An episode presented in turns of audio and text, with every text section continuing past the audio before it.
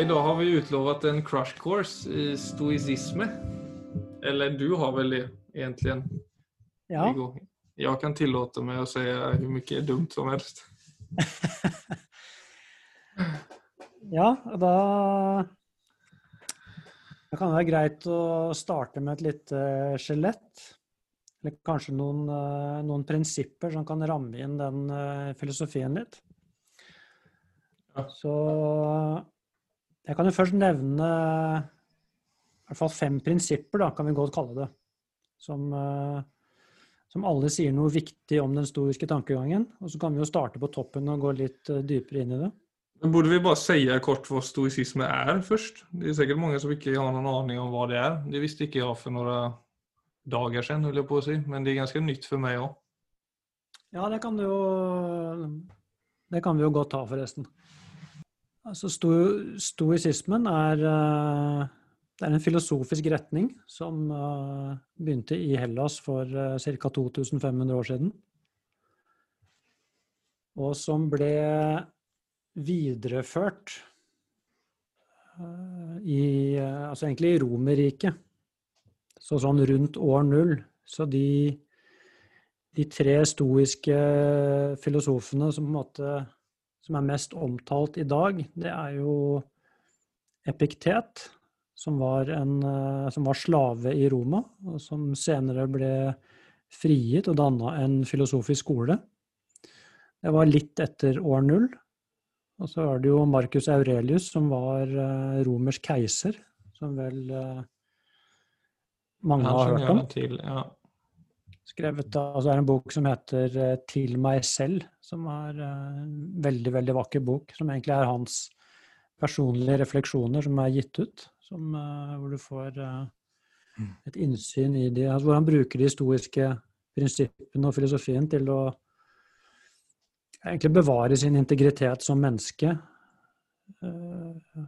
Eh, altså I et veldig vanskelig ytre liv. Da. Han var jo keiser for det største riket i verden, og var jo egentlig filosof i sitt hjerte. Ville jo ikke være keiser. Altså egentlig moralske problemene som han sto overfor hele tida, det, det brukte han historiske prinsipper for å klare å navigere. Og så er det Seneca, som, eh, som også skrev mye. Han var jo faktisk eh, i sin tid eh, Romerrikets rikeste mann. Så der har vi én slave. Ja, det mange många, det är en stor bredde. Ja, én slave, én keiser og én eh, Ja. Så det är alle alla, få- Alle brukte de samme prinsippene for å navigere i i livet sitt, så det er jo interessant i seg selv. Men det er jo en veldig praktisk filosofi. Veldig, veldig praktisk, som egentlig prøver å gi noen prinsipper for hvordan man skal både tenke og velge og handle på best mulig måte for å få et godt liv. Jeg så at det var nu en bok, altså sikkert ikke nå, men for en stund siden, som hadde kommet veldig høyt opp på listene just om stoicism i USA. Så det virker jo være et interesse for den eh, holdningen. Ja, da, stoisisme har fått en renessanse nå i moderne tid. Så det er eh, Og det er nok for det også Altså, det er jo alle tider har jo sine utfordringer og uroligheter, men det er klart eh, Stoisk tankegang er jo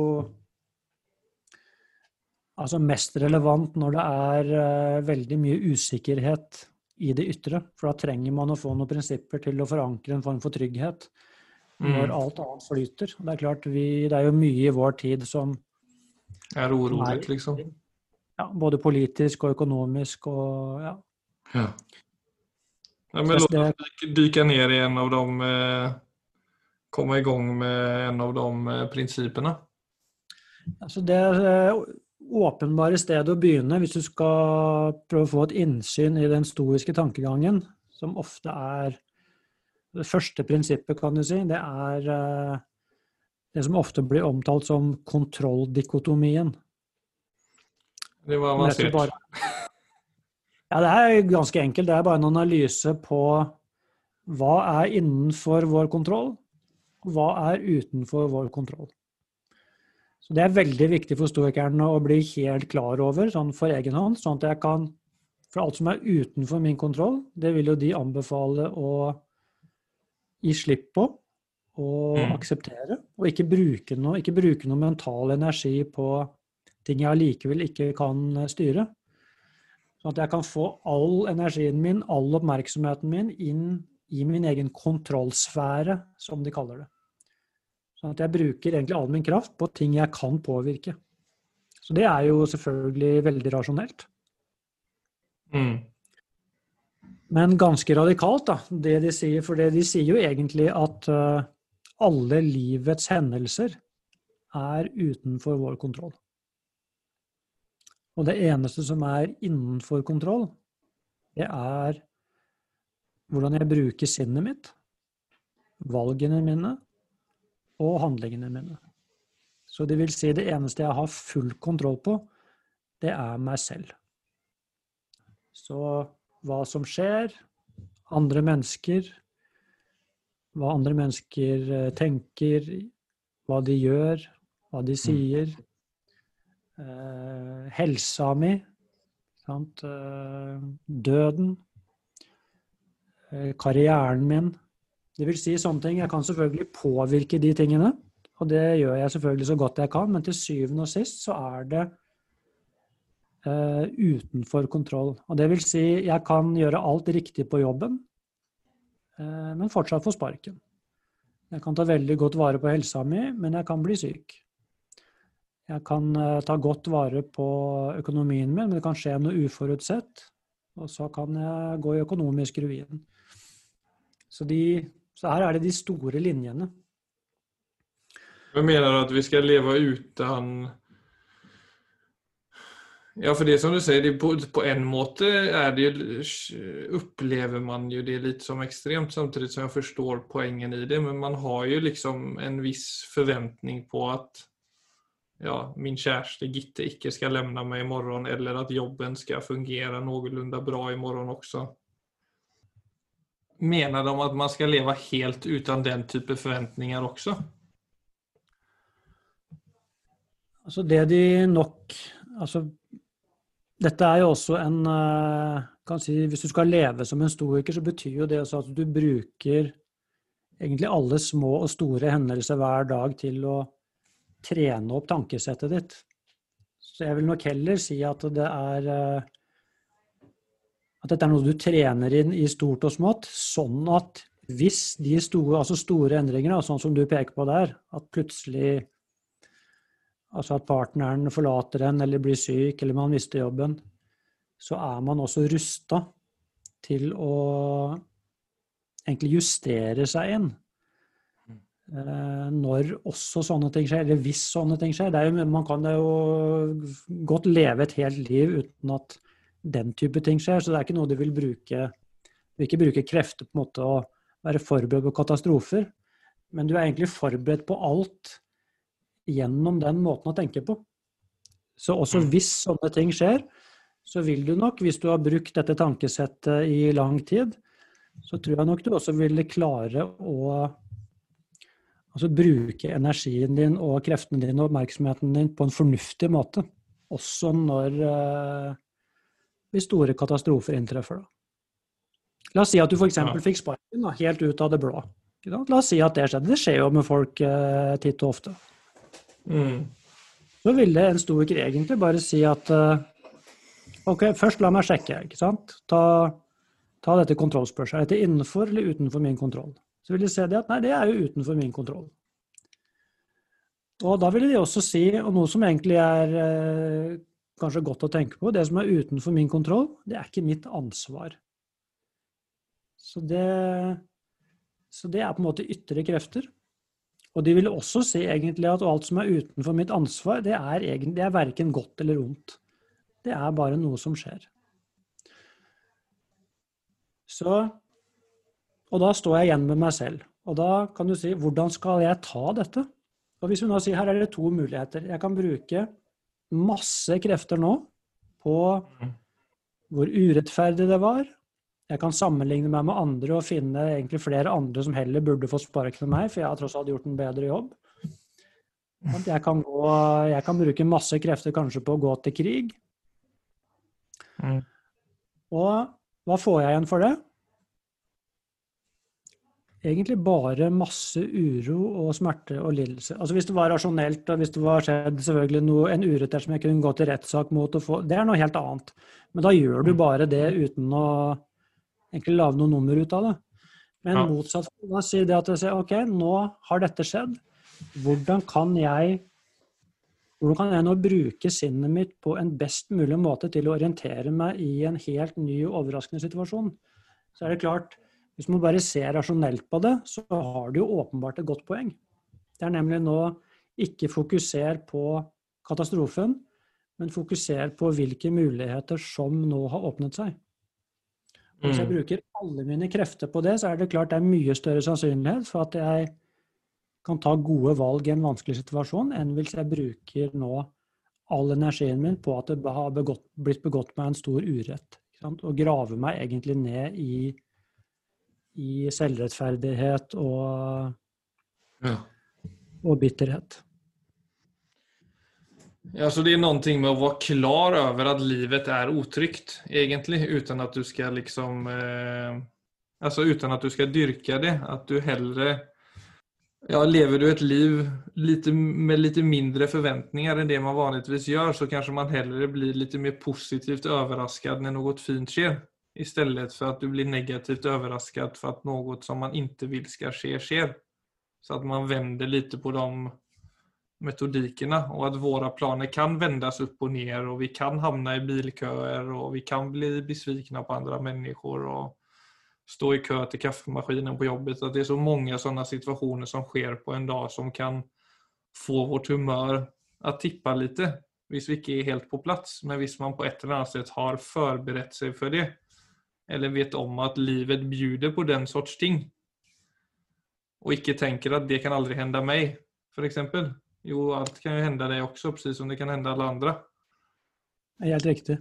Så de, de, jo, de snur det jo egentlig nesten rundt, kontra sånn uh, som kanskje er mer vanlig å tenke. Altså de, og det er også helt sant, de sier livet er prinsipielt uforutsigbart. Så det er uforutsigbart, det endrer seg hele tiden, så i prinsippet så kan alt skje. Uh, også, ja, det er som i sport, at det beste forsvaret er det beste anfallet. Ja, på en måte, for de sier da at uh, hvis jeg er forberedt på at mm. alt kan skje, så kan jeg også snu det til min fordel. For at de sier jo det at det vil si, altså det gode liv, det er det innebærer dypest sett at jeg altså bevare min integritet i alle situasjoner. Sånn at hvis det skjer noe vanskelig, så vil en stoiker faktisk si Og her er jeg inne på egentlig mental kampsport. Det kan jeg snu til min fordel. For hvis du f.eks. er frekk med meg, mm. så kan jeg bruke det til min fordel ved å si at oi, der fikk jeg en anledning til å praktisere tålmodighet. Så det at Philip var frekk med meg, det var jo en ypperlig anledning for meg til å bevare tålmodigheten min når jeg har blitt rigga. Mm. Ja, det er veldig sant.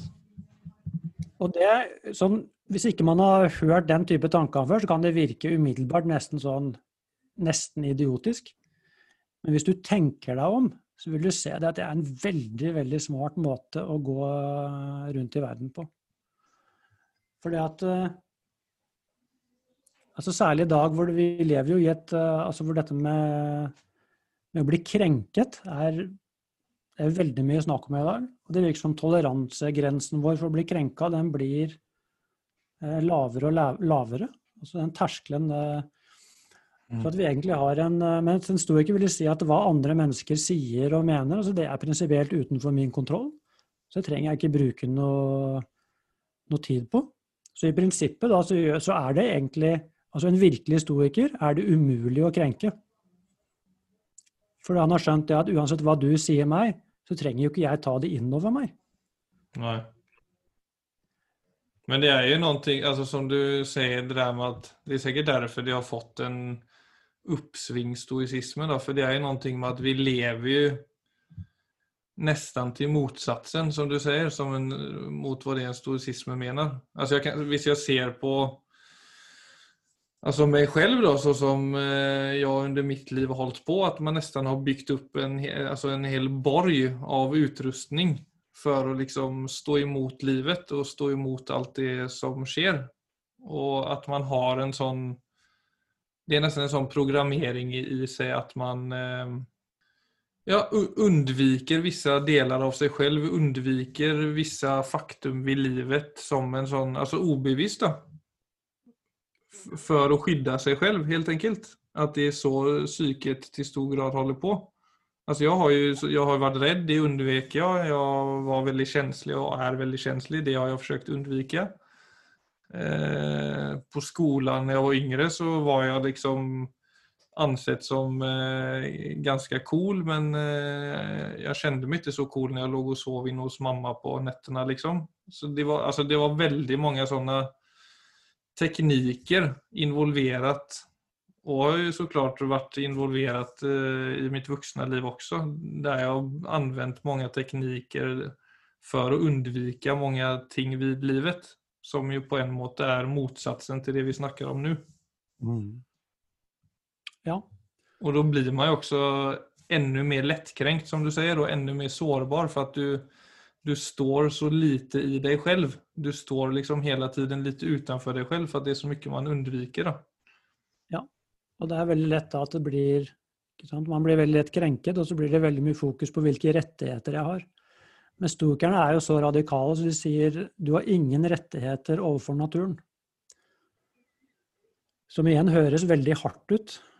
Men hvis du går inn i tankegangen, så ser du det at ved å snu disse tingene rundt, det det fører til, er at du vil få en enorm indre styrke til å kunne stå i livet sånn som det er. Og du blir du blir selvfølgelig absolutt ikke en kasteball overfor uh, andres meninger. Det er ikke sånn at du er uh, At du lar folk tråkke over deg. Det er egentlig mm. bare det at du er at Egentlig så er det det å ha et veldig fleksibelt sinn. Sånn at uansett hva som skjer, så prøver sinnet ditt automatisk å finne et lyspunkt. Du, prøver, du, ser egentlig ja, nå har dette skjedd.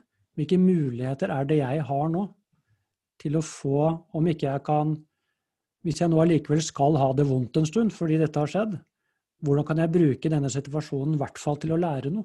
Så man prøver hele tiden å finne vekstmuligheter. Mm. Uansett hva som skjer. Og det er jo forska på, dette har de tall på, de ser det at eh, jo mer vi får kontroll på, jo mer eh, sikkerhet vi får i tilværelsen, så skal det mindre og mindre ting til før vi blir usikre. Ja.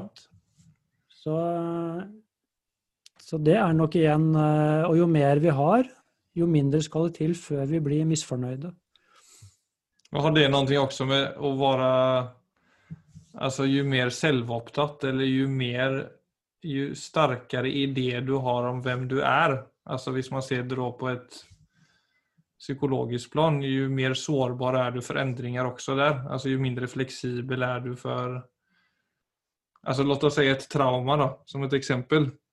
Så er det ofte den fortellingen om trauman, traumat som på en måte hele tiden river opp i det såret istället for at man klarer av å bare møte den smärtan direkte i kroppen. Så jag tänker den, just det att vi bygger ofta en historie runt smärtan, bygger en historie om vem vi är, att vi fixerar ett sånt statiskt punkt vid oss själva. Eller Absolut. vid något som har hänt med oss. Ja. Att det gör oss också då mindre flexibla och, och mindre ja, och mindre till städer då, som ju i sig också är en stor del av stoicismen vill jag tro. Att det er det ja. som styrker oss. Ja, De var jo de som sa først at det er ikke hendelsene i seg selv som fører til smerte og lidelse, men hvordan vi tenker om disse hendelsene. Så, så Altså, den kognitive psykologien, den, eh, den henta jo sin hovedinspirasjonskilde nettopp fra stoikerne. Som så det at vi Altså følelsene våre de oppstår ikke fra de situasjonene vi står i, de oppstår faktisk fra hvordan vi bruker vår dømmekraft. Så det er hvordan vi velger å se på ting, det er det som blir avgjørende for hvordan vi føler rundt det. Og det er jo en altså Jeg må jo si min egen erfaring, så må jeg jo si at uh, det er en utrolig oppdagelse. Altså for når du, når du skjønner det, så har du Da blir det akkurat som de sier, det er sinnsro og frihet tilgjengelig i alle situasjoner. Fordi at uansett hva, hva som skjer, eller uansett hva andre sier til deg eller gjør mot deg, Mm. så er det fortsatt i din mulighet altså Det kommer an på hva du gir din tilslutning til eller ikke. Og der Mm. er du faktisk fri. Det er selvfølgelig veldig vanskelig i ekstreme situasjoner. Men det er noe med å bare få øye på muligheten. Og så er det jo egentlig bare å begynne å trene seg. Og da er det jo smart å begynne å trene i sånne hverdagssituasjoner som eh, ja, når du kommer i trafikkø, hvis eh, noen er litt uomtenksomme mot deg. Altså når egentlig sånn Det som egentlig er ganske små ting, men som vi kan gjøre ganske store hvis vi er stressa. Hvis man er forberedt på det, så er det noe med å kunne snu det rundt. Ikke sant? Så en trafikkø, f.eks., så er det noe med å se hvilke muligheter det er som ligger der. Jo, nå har jeg, la oss si, fikk jeg 30 minutter ekstra for meg selv. Ikke sant? Hvordan kan jeg bruke det til egentlig bare å, å, ta, å få en 30 minutters ekstra, et ekstra frirom, f.eks.? Mhm. Eh, hvis noen er litt frekke mot deg, altså noe med å kunne se Altså det at noen sier noe til meg, hva hvis jeg ikke tar det imot? Hvis jeg bare lar dem eh, ha den meningen, og så kan jeg eh, egentlig bare si en ypperlig anledning for meg til å se om jeg kan klare å bevare tålmodigheten min, selv om noen har vært litt frekk mot meg. Den syns jeg er så Jeg syns den der er så ja, Det er sånn tydelig vederstrekk i vår tid, da, det der med å være lettkrenkt eller å ta veldig mye personlig. Altså Ja. Til og med en sånn banal kø som en bilkø kan du ta personlig, liksom. Men i hvert fall om noen, om noen er frekk eller slem mot deg eller ikke setter pris på det du gjør. At det så fort blir noe man liksom kan ligge vaken over på natten. Ja, det er akkurat Og det. det- Og der Nei, jeg bare, det kan jeg faktisk selv også kjenne igjen meg i perioder.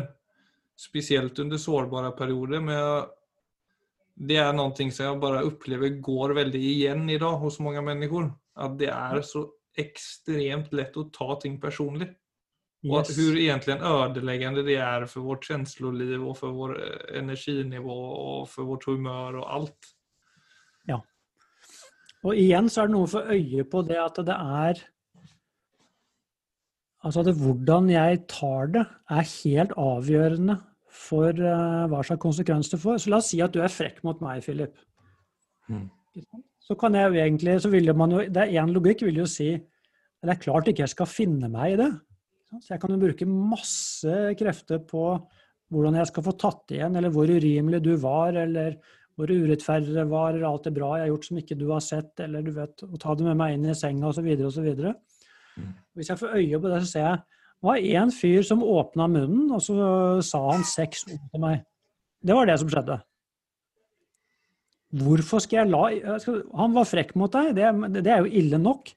Men hvorfor skal jeg la han bestemme over mitt følelsesliv? Hvis jeg, hvis jeg ser det på den måten, så tenker jeg Ja, ja, ja. det er jo helt urimelig. Det, det Men sånn som vi er, har jo den der Jeg holder på å si at vi er upptränade til å ha en selvkritisk stemme i dag, men jeg skal ikke si at det er sånn, men du skjønner hva jeg mener? Ja. At det er lett at det er den røsten som bør snakke i en sånn situasjon. Ja, det er akkurat det. Og det er noe med å se det at eh, det er også bare en vane. Eller en uvane.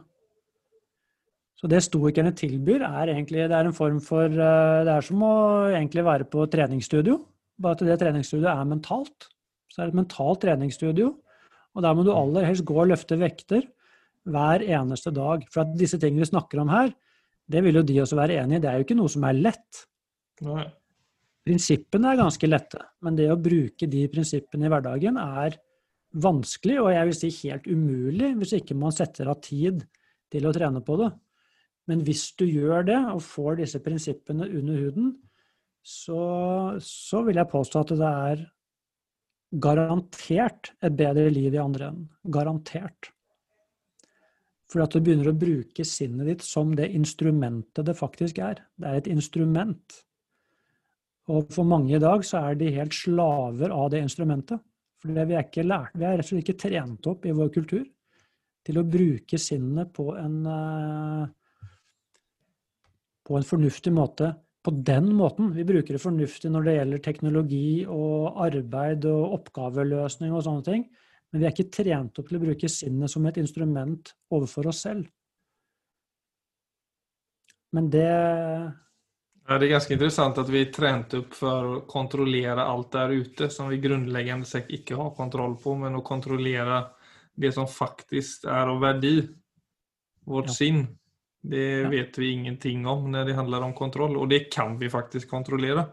Så ja, det er ganske opp- og nedvendt, ja. dette. Ja, absolutt. Så, de, eh, så en stoiker ville sagt det at det er fullt mulig for et menneske å kunne møte alt, absolutt alt som skjer i livet, uh, uten at du mister deg selv. Og da inkluderer det helt inn i døden. Så det, så det er uh... Ja, det var en crash course, altså. Vi kom ja. vi, vi, har jo Det er jo mye i den stoisismen som faktisk er mindfulness. Ja, absolutt. De er jo egentlig de samme, nesten. Ja. ja. i stor grad. Så jeg vil si egentlig at hvis du tar uh, Altså hvis du tar stoisk filosofi, og så blander det med altså meditasjonstrening, så får du en utrolig kraftig En utrolig kraftig blanding, rett og slett. Mm. For da får du på en måte den treningen av kjernemuskulaturen med meditasjonen, og så trener du refleksjonsevnen din med stoisismen. Så det er to forskjellige former egentlig for mental trening.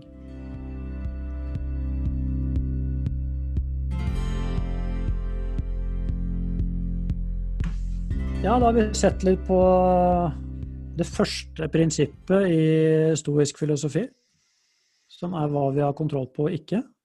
Og det er vel kanskje nok for i dag, men jeg tror vi må Altså For å gjøre denne filosofien litt tydeligere, så tror jeg vi må bruke neste gang også på å se litt videre inn i de andre prinsippene, så man kan få en idé om, om en av bruke de. Og hvis uh, det er noen spørsmål til uh, bare det vi har snakket om så langt, så må dere gjerne stille det fram til neste uke. Sånn at vi, så kan vi også ta inn det. Ja. Det er nice. Good. Good job, holder jeg på å si. ja, ja, du får fortjene den. Men da tar vi og går litt inn i det mer til neste gang. Det er jo, det er jo som vi var inne på der, det, jo, det er veldig uh, beslektet med mindfulness. Så det er jo av den grunnen veldig relevant og spennende. I høyeste grad.